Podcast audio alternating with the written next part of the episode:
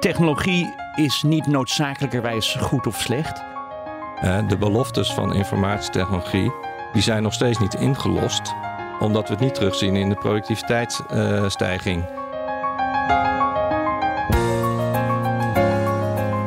Hoe welvarend is Nederland? Krijgt de komende generatie het beter of slechter? ESB zoekt het uit in Welvaart, de brede podcast. Samen met onderzoekers, beleidsmakers en politici. Welkom bij weer een nieuwe aflevering van Welvaart, de brede podcast. Een serie van economenplatform ESB. Mijn naam is Maartje Schultz en naast me heb ik Marcel Canois. En vandaag gaan we het hebben over innovatie en de toekomst van onze welvaart. Marcel, waarom gaan we het hierover hebben eigenlijk? Ja, dat is een goede vraag. Ehm, nou, er is altijd een zeker eh, risico dat als je naar brede welvaart kijkt of naar welvaart, en dat je daar een beetje statisch naar kijkt. En dan kijk je naar van waar doen we het goed op, waar doen we het slecht op. En, ehm, en we weten uit de economische wetenschap uh, en uit de politiek dat uh, innovatie vaak gezien wordt als een soort van oplossing voor alles. En uh, dat is mooi. Ehm, maar innovatie is ook een beetje een diffuus en ongrijpbaar begrip. dus je wil er ook een beetje grip op krijgen. En daarom ben ik ook blij dat we twee experts op het gebied van innovatie Eentje die zit in zijn tas te morrelen, waardoor ik bijna niet meer te verstaan ben. Maar goed, dat geeft niet. Uh, twee experts op het gebied van innovatie hebben. En uh, Maatje, ga je yes. eens even voorstellen? Yes, ik zal onze, onze eerste gast eens uh, introduceren. Dat is Erik Bartelsman. Tot voor kort directeur van het vermaarde Timberg Instituut. En al sinds jaar en dag economie hoogleraar aan de VU. En onze andere gast is Koen Frenke, hoogleraar innovatiestudies aan de Universiteit Utrecht bij het Copernicus Instituut voor Duurzame Ontwikkeling. Erik, uh, je hebt een, uh, een levenslange fascinatie voor onderwerpen als innovatie, productiviteit en groei. En ik vroeg me af, uh, waar, waar komt dat vandaan? Ja, waar komt dat vandaan? Ik denk, ik was altijd een nieuwsgierig, nieuwsgierig jongetje. Ik wilde altijd alles weten. Radio's uit elkaar halen, fietsen in elkaar zetten, brommertjes morrelen. daarna heb ik gestudeerd aan MIT in Cambridge, Massachusetts. Nou, dat is walhalla van, mm van technologie. Uh, al struinend door de straten kwam ik ergens een, een 80-jarige oude man tegen die voor zijn stoep zat te praten. En die was zelf, toen hij 12 was, zat hij op MIT en droomde hij van ruimtevaart. En begon te vertellen hoe hij toen met zijn vrienden al sprak over ruimtevaart. En wat ze nodig hadden en of het zou kunnen en wat de energienodigheden waren. En van ja, je kunt het toch van elkaar krijgen. Dus eigenlijk is dat meegekomen. Ik heb op MIT gekozen om economie te doen vooral. Mhm. Maar toch een goede dosis techniek en ingenieurswetenschappen, maar ook sociale wetenschappen. Dus ik een beetje breed onderlegd. Maar uiteindelijk was mijn hart toch economie. En in de economie van hoe gaan we met z'n allen vooruit. Super. Mooi. Dan gaan we nu over op eh, de andere gast, eh, professor Koen Frenke. Uh, Koen, toen ik eventjes jou ging googlen, toen dacht ik, nou, dat is een intrigerend verleden. Een zogeheten dubbelpromotie. Ik had eerlijk gezegd nog nooit van het fenomeen gehoord. Uh, en niet alleen een dubbelpromotie aan twee verschillende universiteiten, maar ook nog aan twee verschillende landen. En ook nog aan twee verschillende soorten faculteiten. In Amsterdam een sociale faculteit en in Grenoble aan de economie. Uh, kon jij niet kiezen? Of, uh, ja, of leg dat eens eventjes uit. Ja, dat kwam omdat ik aan de UvA, dus Universiteit van Amsterdam, economie studeerde. En uit onvrede eigenlijk mijn hel elders ging zoeken. Omdat ik ook in innovatie geïnteresseerd was omdat ik uh, begreep dat economische groei voor het grootste deel aan innovatie toe te, schrijven, toe te schrijven is. Maar we kregen dat gewoon niet gedoseerd. Uh, er was wel één keusvak. Uh, maar voor de rest moest je heel elders zoeken. En toen heb ik wetenschap en technologie dynamica gedaan. Dat was een beta gamma master in, in Amsterdam. En uiteindelijk in Grenoble terechtgekomen. Waar ze een onderzoeksinstituut hebben over de sociologie en economie van R&D. Ah. Dus het was inderdaad uh, een, een, een, uit, uit, uit onvrede dat er te weinig aandacht was destijds ja. uh, aan de economische faculteit op het uh, onderwerp innovatie. Nou, ik, ik, denk dat wij min of meer van dezelfde generatie zijn. Ik heb ook aan de UvA gestudeerd. En die onvrede, die snapte ik wel. Ik dacht namelijk dat economie heel stom was. En totdat ik er tijdens mijn PhD achterkwam dat het die docenten waren die zo stom waren. omdat ze gewoon waardeloos college gaven. En ik, dus die onvrede aan de UvA destijds, zeg ik er dan nog even snel bij, die snap ik wel. Anyway, uh, nu zit je aan het Copernicus Instituut, dus ook multidisciplinair of interdisciplinair. En uh, Uh, nou, daar komen we nog uitgebreid over te spreken, ja. Maatje we gaan, gaan, gaan nu even over op, op de thema's waar we het over gaan hebben vandaag. Zoals gezegd, innovatie en de toekomst van onze welvaart of brede welvaart, zo je wil. En ik zou graag willen aftrappen met de volgende vraag. Zijn jullie optimistisch uh, gestemd over de toekomst van onze welvaart of niet echt? En jullie zijn wetenschappers, dus graag met wat uh, serieuze onderbouwing. En dan geef ik eerst het woord aan Erik. Als je dat gisteren had gevraagd, had ik een andere mening gehad. Uh, en de onderbouwing over de toekomst is, is, is erg lastig te geven. Mm -hmm. voorspellen is moeilijk, zeker als het over de toekomst, toekomst gaat, is een economengrap. Mm -hmm. um, technologie is niet noodzakelijkerwijs goed of slecht. Mm -hmm. Er zitten, uh, het, technologie en innovatie creëert opties voor een maatschappij. En je zou hopen dat als een maatschappij goed is ingericht, dat je de goede opties die goed zijn voor, voor ons allen, dat je de goede opties toepast en kiest. En dat je de slechte, desastreuze opties uh, weer begraaft. Dus innovatie kan alle kanten op gaan. Het is een creatief proces. Er gebeuren ja. dingen, er komen nieuwe dingen. Of ja. dat goed werkt, hangt echt af hoe je maatschappij eruit ziet en hoe je er gezamenlijk mee omgaat. En ja. dat is, da daarom ben ik af en toe denk ik, nou, dit kan goed gaan. En af en toe denk ik, van nou ja, als de verkeerde mensen aan de knoppen zit, als het publiek ineens met z'n allen een andere kant op gaat, dan kan het anders uitpakken. Ja, ja dus het hangt er vanaf. Koen? Ja, nou, ik, uh, ik, ik, ik denk dat de welvaart in de toekomst toch uh, een, een wat andere betekenis gaat krijgen. Uh, mm-hmm. Zowel positief als, als negatief. we zullen steeds meer immateriële zaken gaan, uh, gaan waarderen. Dat doen we nu ook al.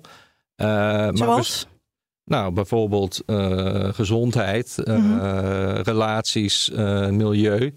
Maar we zullen daarom ook veel meer zelf moeten gaan investeren, onze eigen tijd gaan besteden om dat soort welvaart te creëren. Eh, door voor elkaar te gaan zorgen, bijvoorbeeld, omdat het niet houdbaar is om alles via markt of overheid te hm. organiseren. En dat past denk ik ook wel in het denken over brede welvaart. Dat als je uh, dat brede welvaartsbegrip hanteert, je dus ook naar onbetaalde arbeid, ook naar betekenisgeving uh, gaat kijken. En niet alleen maar naar uh, individuele preferenties zoals die op de markt tot uitdrukking komen. Mooi. Nou, ik ben heel blij. Ik had niet verwacht dat we in een uitzending over innovatie binnen vijf minuten over uh, zorgzame buurt is. Nee. Uh, een onderwerp waar ik ongeveer de rest van de week uh, mijn vingers krom over schrijf. Dus nou ja, dat gaat er verder niet om. Maar goed dat jij dat ook benadrukt. Maatje. Ja, nou ja, ik, ik, ik, het andere thema is natuurlijk waar we het over gaan hebben, is echt innovatie. mijn vraag aan jullie is, uh, weet je, een optimistische vraag misschien. Maar zitten er nou wetenschappelijke of technologische doorbraken aan te komen die onze welvaart uh, enorm kunnen verhogen? Hebben jullie een paar lichtende voorbeelden, Erik? Nou ja, kijk, de, de, een hoop van de technologie die er nu al is, wordt in de volgende 20, 30 jaar uitgerold. Dus er zijn al dingen die fantastisch zijn. Nou, het begint al te dagen in de wereld dat uh, zonne- en windenergie gewoon de goedkoopste manieren zijn om elektriciteit op te wekken. Gewoon goedkoper dan, dan, vele malen goedkoper dan kernenergie. Veel beter voor het milieu dan kolen. Gewoon lager. En, dus, en, en we zijn nog niet aan de bodem van hoe goedkoop het kan worden. Denk aan gezondheid. Ik bedoel, de, de CRISPR-technologie van 2008 of 9, ik ben vergeten wanneer de eerste papers kwamen, dat je, dat je kunt knippen en plakken in DNA. Mm -hmm. uh, kwam langzaam op gang. Nou, nu met COVID hebben we gezien, we zitten met een, een enorm maatschappelijk probleem ik, dat stemt mij optimistisch. Dat we met z'n allen heel snel hebben besloten, dit gaan we aanpakken. Er kwam echt een, een push en boom. Er was een, een oplossing met een vaccin, heel snel. En dat is pas het begin, want nu hebben mensen door, hey, deze technologie en dit soort vaccins kunnen we ook op andere gebieden toepassen. Mm -hmm. Langdurige ziektes van arme mensen, malaria, uh, weet je. Dus het heel optimistisch daarover. Uh, uh, voordat we Koen het woord geven, je, laatste voorbeeld, als ik even te denken of er ook niet, ook niet wat paradoxen daar dan uh, uit ontstaan. Hè? Neem nou even het voorbeeld van een vaccin. Uh, je hebt ook uh, een Deens pilletje voor obesitas. Is er niet een risico dat dingen die eigenlijk het beste met gedrag kunt veranderen, bijvoorbeeld ja, een pandemie, ontstaat ook door ongezonde manieren om met dieren om te gaan, zal ik maar zeggen. obesitas ontstaat door ongezonde levensstijl. Uh, uh, dat, dat we denken van, nou ja, weet je, er komt wel een pilletje of een vaccin of een technologische oplossing. En we gaan gewoon door met het slechte gedrag. Is, is, is, zie je die paradox? Of, uh? In, in- ja, aan de ene kant ja, je moet toch proberen in je leven je, je eigen pad een goed, goed pad te vinden. En je hoopt dat de maatschappij ingericht is om, om ook die goede paden mogelijk te maken. Aan de andere kant, eh, je, wellicht was een corona-achtige virus ook gekomen zonder dat we in China levende dieren op de markt hadden. Het had uit een grot kunnen komen. Het had toevallig ergens onder een blad kunnen liggen. Dit soort dingen kunnen gebeuren. En het is Ja. best wel leuk dat wij als maatschappij klaar zijn om op onverwachte eh, risico's Ja. heel snel in te springen. Ja. En daar zijn we klaar voor. Dijken, we- in Nederland weten we hoe we dit met water moeten doen. Ja, daar hebben ze in de rest van de wereld nog wat, eh, wat meer problemen mee. Koen, eh, hoe zie jij dit? eh? Ik zie het ook niet echt als een paradox tussen gedrag en, en technologie. Want technologie werkt alleen maar als het gedrag de- zich daar ook op aanpast. Dus sowieso zie ik technologie altijd als iets sociotechnisch. Hè, dus dat zien we ook bij informatietechnologie. Eh, de beloftes van informatietechnologie die zijn nog steeds niet ingelost. Omdat we het niet terugzien in de productiviteitsstijging. Eh, en eh, we zitten ook met allerlei nadelige effecten van informatietechnologie. Mhm. Uh, dus we moeten eerst die instituties en organisaties aanpassen. Willen we echt die informatietechnologie ten volle kunnen uh, benutten. Dus gedrag en technologie zijn voor mij altijd communicerende fase. Ja. Uh, maar bij gezondheid heb je misschien nog wel een extra complexiteit. Is dat uh, als er meer mogelijk is, uh, we dat ook verwachten. En dat Ja. we uh, heel moeilijk kunnen accepteren als we uh, lang ziek zijn of als we psychische problemen hebben. En, en hopen dat daar een silver bullet, een pil Mhm. voor is. Ja. Maar dat soort complexe ziektes denk ik niet dat genetisch of anderszins makkelijk op te lossen Nee. is. En zullen we inderdaad ook heel erg op gedrag. ehm, en er wordt ook veel op ingezet eh, in, in, eh, in het Nederlandse gezondheidssysteem. Met gedrag proberen mensen tot een andere levensstijl proberen te verleiden. Ja. Ja, en- ja? Ja, ik zat even te denken gewoon aan, aan mijn smartphone die ik nu ook voor me heb. Van, aan de ene kant heeft dat, heeft dat ons leven natuurlijk ontzettend veel makkelijker eh, gemaakt. Maar als ik dan kijk ook wat het doet met hoe dat ook het gedrag van mensen ook weer soms op een negatieve manier beïnvloedt. Als ik dan in het openbaar vervoer zit en iedereen zit alleen maar op die telefoons en niemand kijkt meer naar elkaar. En laatst eh, liet iemand zijn overchipkaart vallen. En ik eh, was vriendelijk genoeg om hem zeg maar op te rapen en op te geven en aan, te- eh, aan die persoon te geven. En die schrok gewoon helemaal. Die was helemaal in zijn eigen wereld en die zei niet Oh, help, er zijn ook nog mensen op deze Ja, aarde. het is van het menselijke. Het lijkt dan een beetje, Erik. Nou, hier is eh, net een leuk stuk onderzoek vorige maand uit Chicago. En het haakt in op van we zien, we zien de IT nog niet terug in de productiviteit. Nou, bijvoorbeeld de IT van, van het gebruik van sociale media. Het is gratis voor mensen. Dus het is heel moeilijk om daar in onze huidige meetsystemen iets voor te krijgen. Dus wat er gedaan is, is mensen hebben, hebben willingness to pay gedaan. Ze hebben experimenten gedaan van hoeveel zouden we jou moeten betalen... zodat jij een week lang niet op TikTok gaat. Nou, er kwam een hoog bedrag uit, dat extrapoleer je en dan maak je een schatting. Nu zijn ze erachter gekomen dat die vraag niet compleet was. Want de vraag is, jij gebruikt het een week niet, maar al je vrienden nog wel. Nu is er een vraag gesteld, hoeveel zou je betaald moeten worden of ervoor over hebben als je TikTok niet gebruikte en al je vrienden ook niet.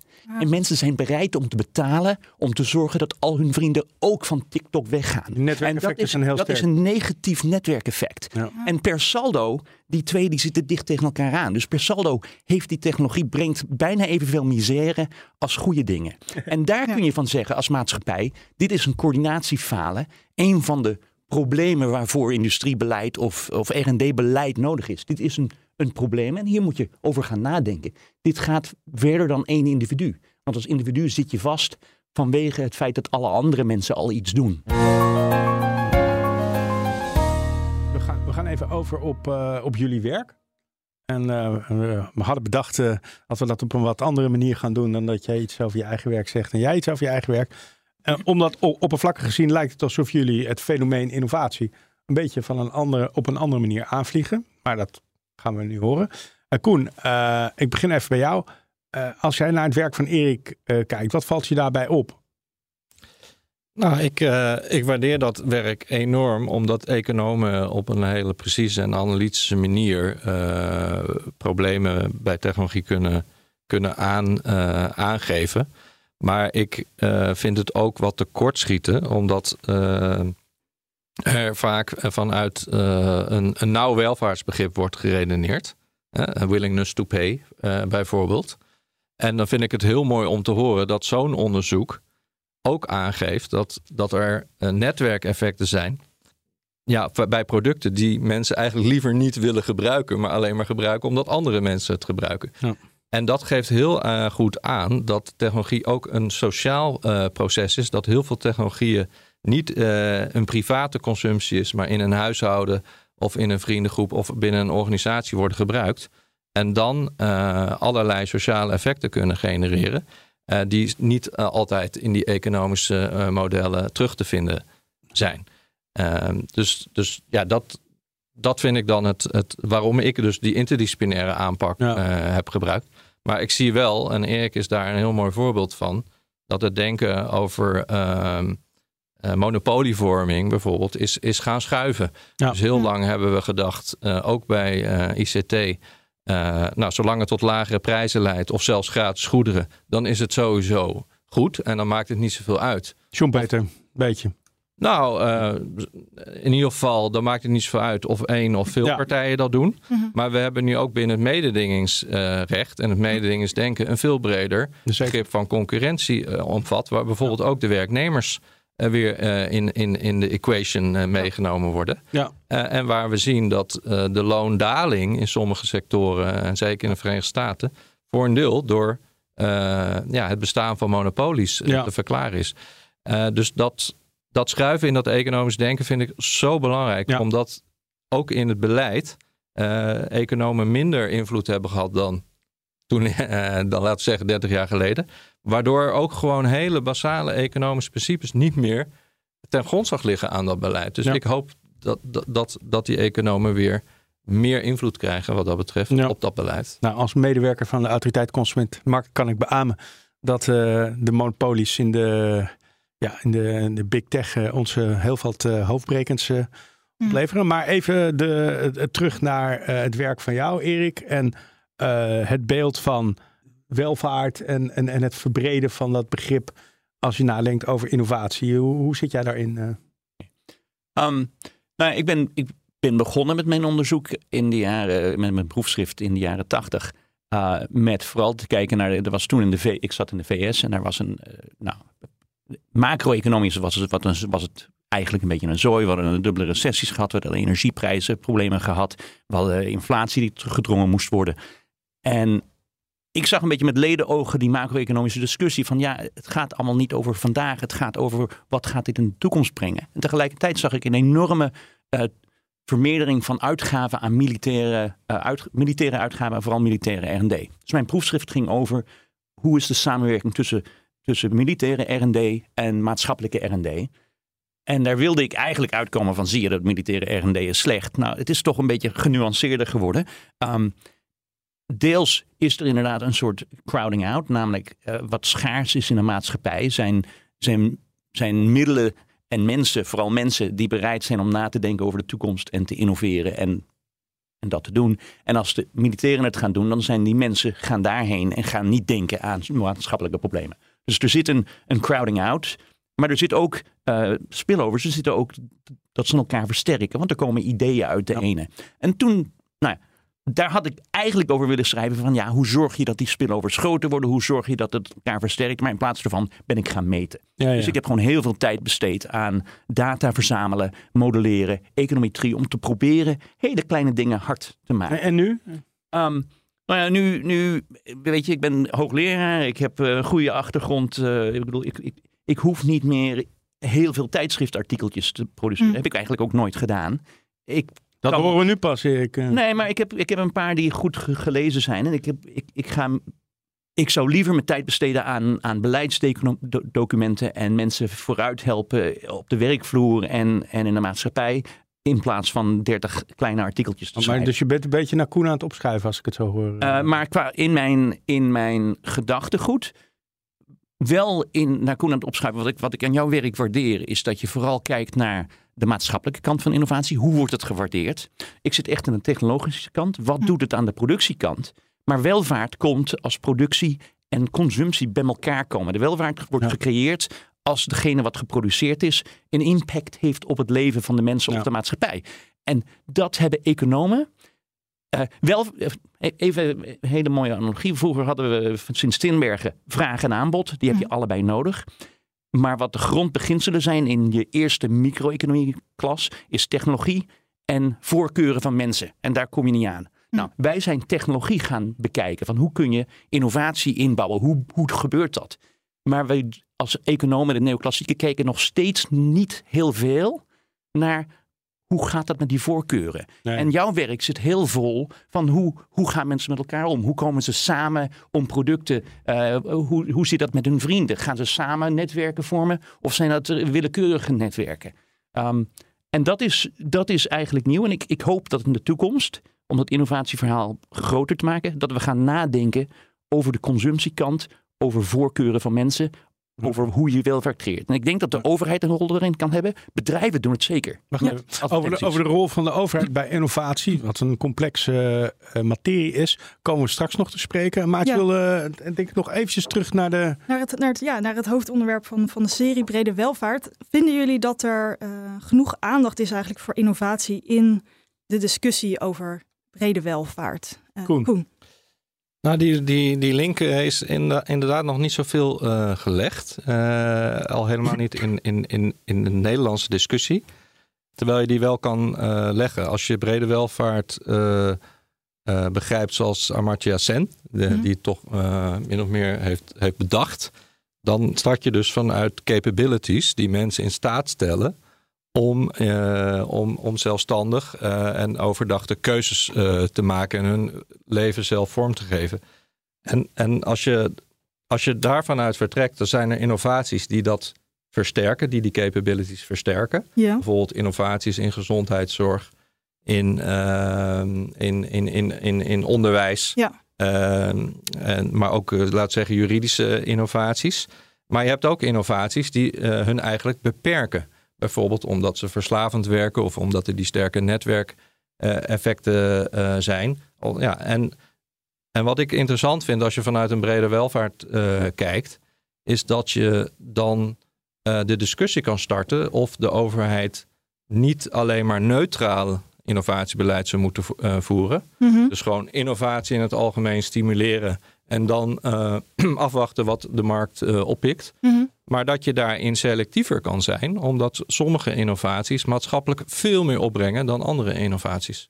Ja. Dus dat je eigenlijk die maatschappelijke baten, die je dus ook kan koppelen aan gezondheid eh, en onderwijs, dat je die meeneemt in je innovatiebeleid. Erik?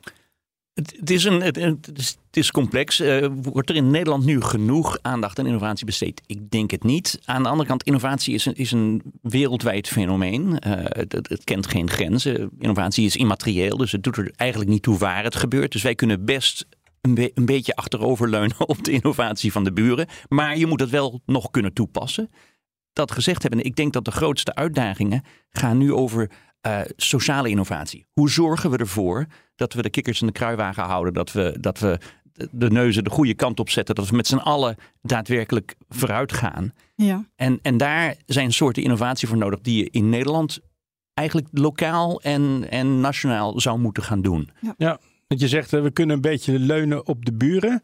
Dat vind ik een beetje een gevaarlijke uitspraak. In de zin, Ik was ook heel voorzichtig. Ja, Ik ja. deed het met een, met een knipoog. Maar dan kunnen de, de luisteraars die kunnen die knipoog niet zien. Hè? Nee. Dus, eh, maar eh, en daar nog even over. Hè? Want Nederland is natuurlijk eh, bij uitstek een land wat afhankelijk is van ja, zeg maar de bovenkant van de keten. Ja. Want ja, wij gaan geen goedkope arbeid kunnen repliceren wat ze in China of elders Nee, in, de, in de wereld je moet doen. dus proberen je ideeën die je hebt te gelden te maken. Maar in Nederland hoeft dat niet noodzakelijkerwijs te zijn dat je de, dat je de nieuwste windblad, eh, windmolen maar- maar denken we- beter maakt. Het kan ook zijn dat je zorgt, hoe richt ik een, een energiebeprijzingssysteem in Ja, eh, waar een land die nu zit met, met laten we zeggen, je zit ergens, zit een ander land met eh, centraal geleide energiecentrales, met bevolking waar de elektriciteit één richting op gaat. Iedereen betaalt per jaar een vast bedrag. Hoe richt je daar Ja. een systeem in, zodat dat land eh, decentrale energieopwekking kan gaan adopteren? Nee. Daar is geld aan te verdienen door, te door, door die sociale innovatie te maken, hoe je zo'n systeem kunt inrichten. ja dat, is, dat was eigenlijk mijn volgende vraag eh, eh, aan Koen in dit, geval- in dit geval. Als ik de discussie over innovatie, met name naar de beleidsdiscussie over innovatie, we ook minister Adriaansens. En dan gaat het eigenlijk altijd over RD en eigenlijk vooral over technologische innovatie. Terwijl ik denk, technologische innovatie, die zouden we voor een deel best wel kunnen uitlaten aan Amerika en andere landen. Terwijl de sociale innovatie, of hè, wat jij, een voorbeeld wat jij geeft, een combinatie van bepaalde technologische uh, innovatie en sociale innovatie, daar wij misschien juist wel weer heel goed in zijn. Hoe zie jij dat, Koen? Is het niet jammer dat de discussie altijd over technologie en over R&D gaat? Ja, helemaal mee eens. Uh, maar ik, ik, zeg er wel gelijk bij, je, je, je moet altijd uh, aan R&D doen om te begrijpen wat andere landen aan R&D doen. Dus je mhm. hebt wel die absorptiecapaciteit nodig. Uh, maar dat is meer een algemene investering in, in, in, in, in kennis en bepaalde technologie. Maar het is zo dat ons innovatiebeleid ook uh, RD-subsidies, wat een generiek instrument is, alleen naar bedrijven gaan die kunnen aantonen dat ze RD-medewerkers in dienst hebben. Ja. En heel veel dienstenbedrijven die hebben uh, geen mensen met een beta-opleiding, die hebben geen RD-afdeling, dus die kunnen die formulieren niet invullen. Nee. Terwijl een hele hoop belangrijke innovaties uit Nederland zit in die diensteneconomie, zit in die platform-economie, lopen we binnen Europa in ieder geval best voor op. Uh, daarnaast sociale innovatie uh, is ook een heel belangrijk uh, thema. wat je niet met klassiek innovatiebeleid kan afdwingen. Dat heeft ook te maken met regelgeving, met juridisch nieuwe organisatievormen ja. mogelijk maken, met goed afstemmen met, met Brussel, goed afstemmen met gemeentes. En, en die brede blik op innovatie, die is nu wel aan het landen in het missiegedreven innovatiebeleid. Ja. Dat wat ze hebben toegevoegd aan het klassieke innovatiebeleid. Dus daar ben ik wel enthousiast over. Ik, ik, ik wil, uh, het is een mooi bruggetje naar beleid en de rol van de overheid. Uh, ik heb in het verleden uh, ook aan de kant gezeten dat destijds waren de ISIS en de gasbaten moesten verdeeld worden. Dat was een enorme pot geld waar een echt een afzichtelijk lobbycircus op afkwam. En waar je echt niet vrolijk van werd. En jij zegt, ja, het, het, innovatiebeleid je hebt ook Matsukato, die hè, de rol van de overheid heel belangrijk. Um, hoe zorg je er nou voor dat dat beleid niet tot dat, dat afzichtelijke lobbycircus leidt, wat hm. toch heel vaak wel zo is, helaas. Topsectorenbeleid misschien nog wat van vinden, of een groeifonds. Hoe, hoe, hoe, hoe richt je dat dan in dat het geld ja, eigenlijk belandt waar de, waar, de, waar de welvaart bij geniet? Erik? Nou ja, dit, is, dit zijn de klassieke uh, redenen waarom de, de neoclassieke economen zeggen van dit moet je niet doen. Hier moet je een level playing field houden. Je moet je subsidies neutraal houden, want overheid heeft een informatietekort. En er is uh, regulatory capture. Het, het, de, de, mensen gaan, uh, gaan elkaar onderhands geld toeschuiven en het mm. lobbycircuit. Twee grote problemen.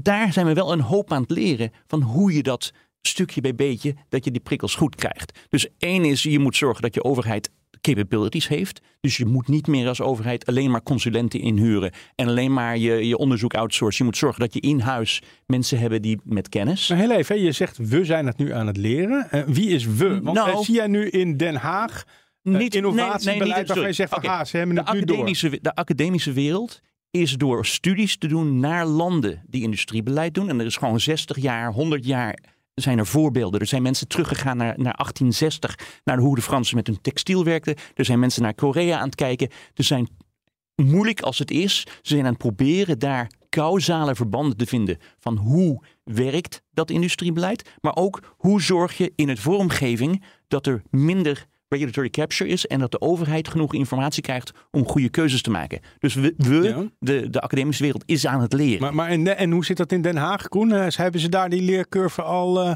ook al uh, doorlopen? Of, Nou, kijk, dat groeifonds, mm -hmm. dat zie ik niet als innovatiebeleid. Dat is gewoon buiten het innovatiebeleid om. In één keer bedacht ja. door twee ministers. omdat die rente zo laag was. en daar hebben ze inderdaad uh, gewoon een, uh, een, een, nou ja, je kan het een lobbycircuit noemen. Een, een, een, een, een uitvraag gedaan. Kom maar met, met voorstellen. Er moesten dan wel in de tweede ronde ook ministeries achter gaan staan. Uh, zodat het nog enigszins ingebed werd in beleid. Hm. En daar is, is gewoon, zijn gewoon keuzes gemaakt zonder dat dat werd afgestemd of, of, of langs een beleidskader werd, werd gelegd. Kijk, de oude fouten van, oude fouten van de ISIS weer her, Ja, dat, daar lijkt het heel, heel erg op. Uh, het innovatiebeleid, waar dus eigenlijk veel minder geld in omgaat, dat uh, heeft vier missies benoemd. Hè? Dus energie, voedsel, veiligheid en gezondheid. Ja. Uh, en daar is inderdaad uh, stapsgewijs vanuit maatschappelijke vraag, dus niet vanuit industriebeleid per se, maar vanuit maatschappelijke vraag. Wat zijn de grote vraagstukken? Op welk termijn willen we welke doelen bereiken? zijn, zijn tafels zeg maar, georganiseerd met, met verschillende partijen, met verschillende ministeries, om beleid vooral te gaan afstemmen. Want we doen al heel veel beleid, mhm. maar het leidt niet altijd tot de gewenste vooruitgang.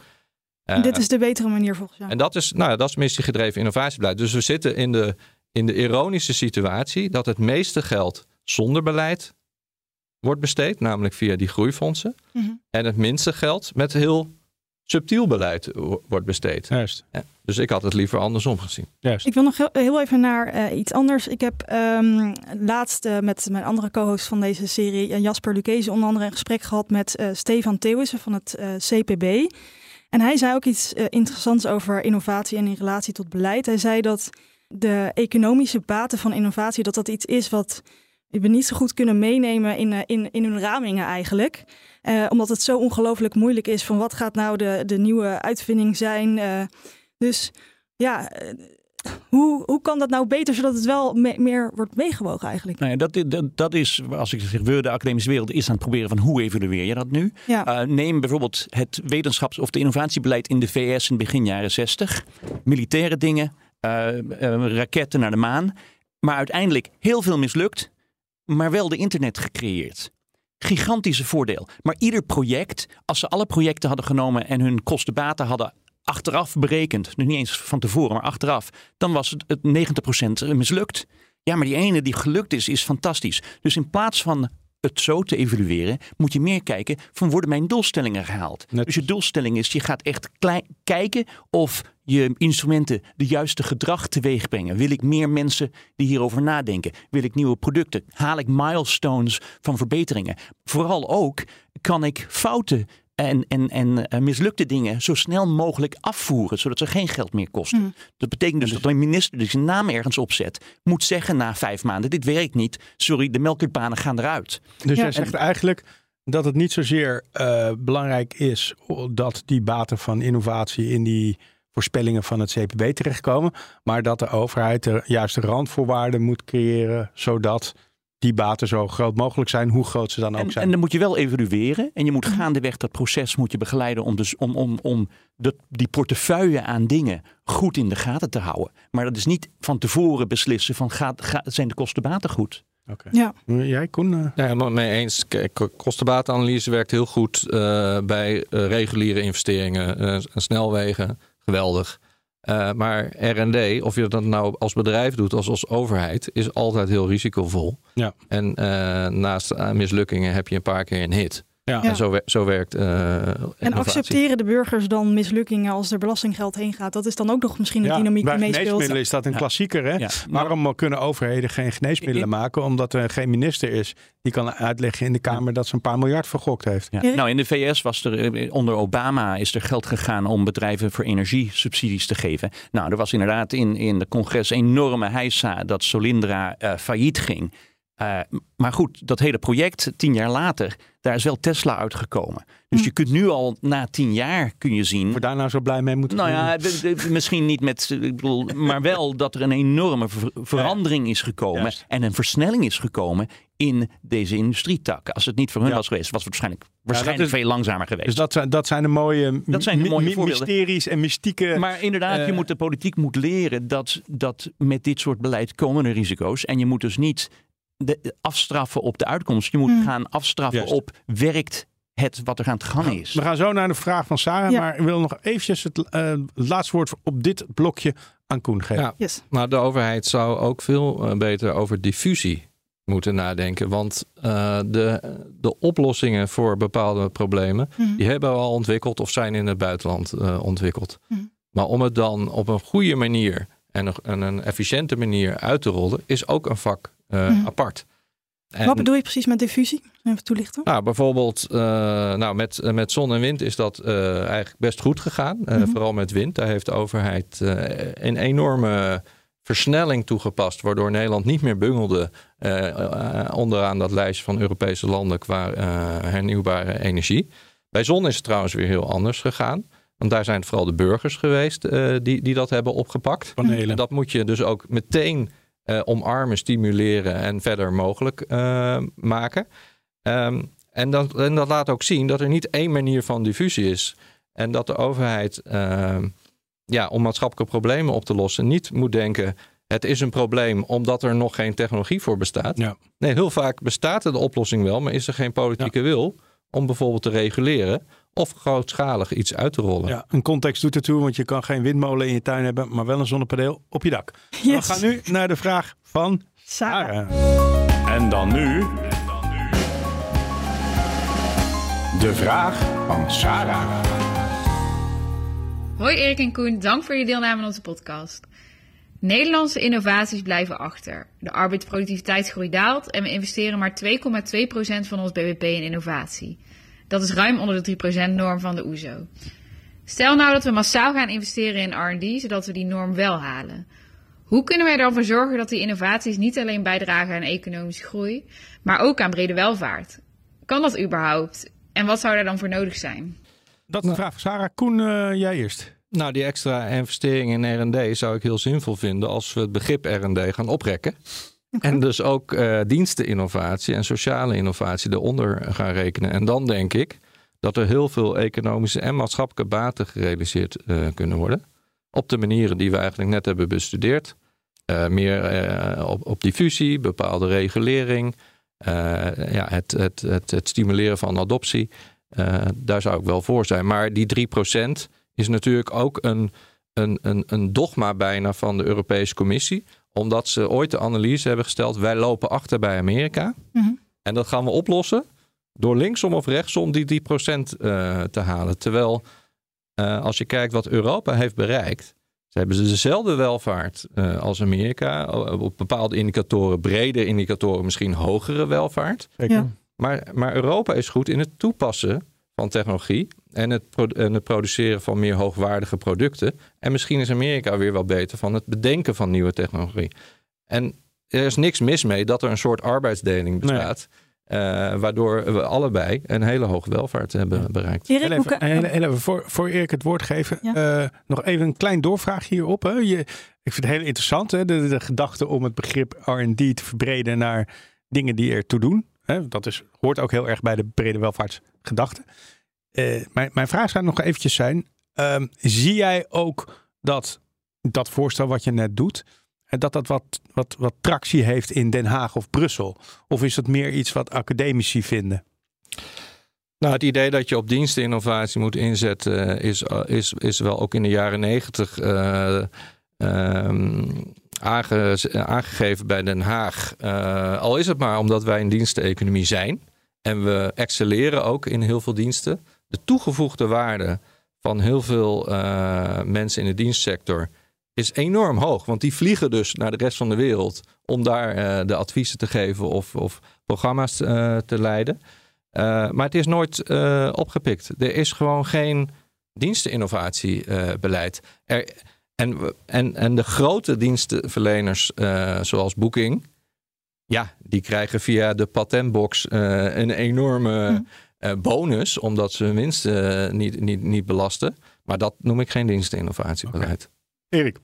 Ja, je, de, de dienstinnovatie, het komt, komt in veel gebieden voor. Dus als ik kijk naar het Nederlandse zorgsysteem, wat ik echt wereldwijd een, een parel noem van een, van een zorgsysteem opzetten. Het is er vooral gericht op dat systeem om te leren en beter te worden.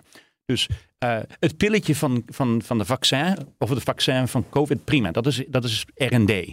Maar bijvoorbeeld het, het verminderen van sterfte met hartaanvallen gaat erom om een keten te organiseren. Om uh, faxmachines en, en daarna mobiele telefoons met automatische berichtgeving. Dus zodra iemand in een ambulance stapt, zijn de artsen al gewaarschuwd dat ze van dat golfclub snel naar de operatiekamer moeten. Zodat ze na 38 minuten al gedotterd worden. Dat zijn innovaties die te maken hebben met, met organisatie. En die zijn ontzettend belangrijk. En wij zijn in Nederland in ons zorgsysteem daar uitermate goed in. En dat komt door onze manier van financieren, door onze manier van toezicht en doordat niet iedereen. Het is niet vermarkt, maar het is ook niet centraal geleid. Het is, is die combinatie die ontzettend slim is gedaan in Nederland. Nu de, nu de politieke partijen die op dit moment hun, uh, hun programma schrijven en nog ervan overtuigen dat het zo is. Maar time flies when you're having fun, Erik en Koen. We, we, komen al bijna bij het slot van deze innovatieve uitzending. Pun mhm. intended. Maatje, gooi jij er nog eens even een zwierige slotakkoord uit? Yes, dankjewel. Uh, Erik, uh, Koen, jullie hebben geluk. Want Pieter Omzicht die wil een, een kabinet met vakministers. En jullie hebben aan het langste eind getrokken, want de keuze is zo waar op jullie gevallen. Um, of het kortste eind. Of het kortste eind is maar net hoe je het bekijkt. Um, wat ga je doen als minister van EZK? Eerst maar eens naar Koen. Nou, ik zou het, eh, het innovatiebeleid uh, hervormen. Uh, ik zou uh, minder generiek stimuleren, omdat bedrijven allerlei andere manieren hebben om die baten van innovatie zich toe te eigenen. Veel grote bedrijven die hebben, de, die hebben sowieso de, het vermogen om, om, om goede innovaties te financieren. Er, er zijn patenten, dus, dus, het wordt ook beschermd. En ik zou dat geld niet alleen naar sociale en diensteninnovatie willen uh, verschuiven, maar ook naar innovaties op de snijvlakken, de onverwachte combinaties tussen technologieën, tussen sectoren. En dat hmm. is eigenlijk een ander soort industriebeleid, want dan ga je niet uh, grenzen zetten bij industrieën en zeggen: dit is een topsector, dit is geen topsector. Maar je laat partijen vrij eh, om nieuwe combinaties te maken. Maar daar moet je wel ruimtes voor creëren. Uh, qua regelgeving of qua financiering uh, of qua maatschappelijke experimenten. Dus daar zou ik dan op willen inzetten. Kijk, uh, ik heb nu even een appje aan Pieter gestuurd. hij weet, je weet het te vinden. Maar misschien vindt Erik nog wat spannender. Ja, nou, ik, laat het zo zeggen. Ik ben het eigenlijk hier, hiermee eens. Maar dit is één deel van wat EZ doet. Dus EZ heeft een, vergeleken met andere ministeries, een vrij beperkt uitvoeringsbudget. En dat gaat vooral inderdaad naar, naar innovatiebeleid. Dus ik zou dat innovatiebeleid breder willen trekken. Inderdaad, de, de, wat embedded autonomy heet. Dus dat je de private sector met elkaar laat samenwerken met een maatschappelijk doel. Het gaat over de richting geven aan de technologie. Maar je laat het wel door private partijen doen. En je zorgt dat daar de, de, de infrastructuur, sociale infrastructuur omheen is. Goed opgeleide mensen. Daarnaast heeft EZ een enorme belangrijke rol binnen Den Haag. Als een soort de, de, de kennis van hoe we economisch goed beleid moeten voeren. En dat betekent dus inderdaad andere ministeries bij de les brengen van de markt is niet noodzakelijkerwijs slecht. De mhm. markt is niet noodzakelijkerwijs goed. De markt is een middel om dingen te organiseren. En daar moeten we met z'n allen deze randvoorwaarden. Dus je gaat echt als ministerie de andere ministeries ga je je mee bemoeien en ga je opvoeden om te proberen de kennis die er nu wereldwijd is toe te passen om in Nederland beter beleid te krijgen. Ja, en jij hebt dat uh, gedaan in de 90 jaren. Ik in de 90 jaar hebben we ons best gedaan. Achteraf noemden ze het de puinhopen van Paars. Ja, uh, maar wij, laten we het zo zeggen. Toen, Marcel en ik zaten toen bij het CPB en ik daarna, daarna bij het ministerie van Economische Zaken. We hebben toch belangrijke dossiers. Dus ik denk dat telecom is, is niemand klaagt over telecom. Nee. Als ik denk, kijk naar de zorgstelsel. Uh, er was voor de verandering veel meer maatschappelijke heisa over de zorg. Er is nu weer, en dat heeft meer te maken met de krapte op de arbeidsmarkt, dan de manier van financieren. Okay. Ja, hopelijk uh, luisteren de partijen die straks gaan formeren naar jullie uh, wijze woorden. Ik wil jullie allen uh, bedanken voor jullie interessante bijdrage in deze aflevering. ik dank Koen, Erik en mijn co-host Marcel. En natuurlijk, luisteraars, bedankt wederom voor het luisteren en tot volgende week.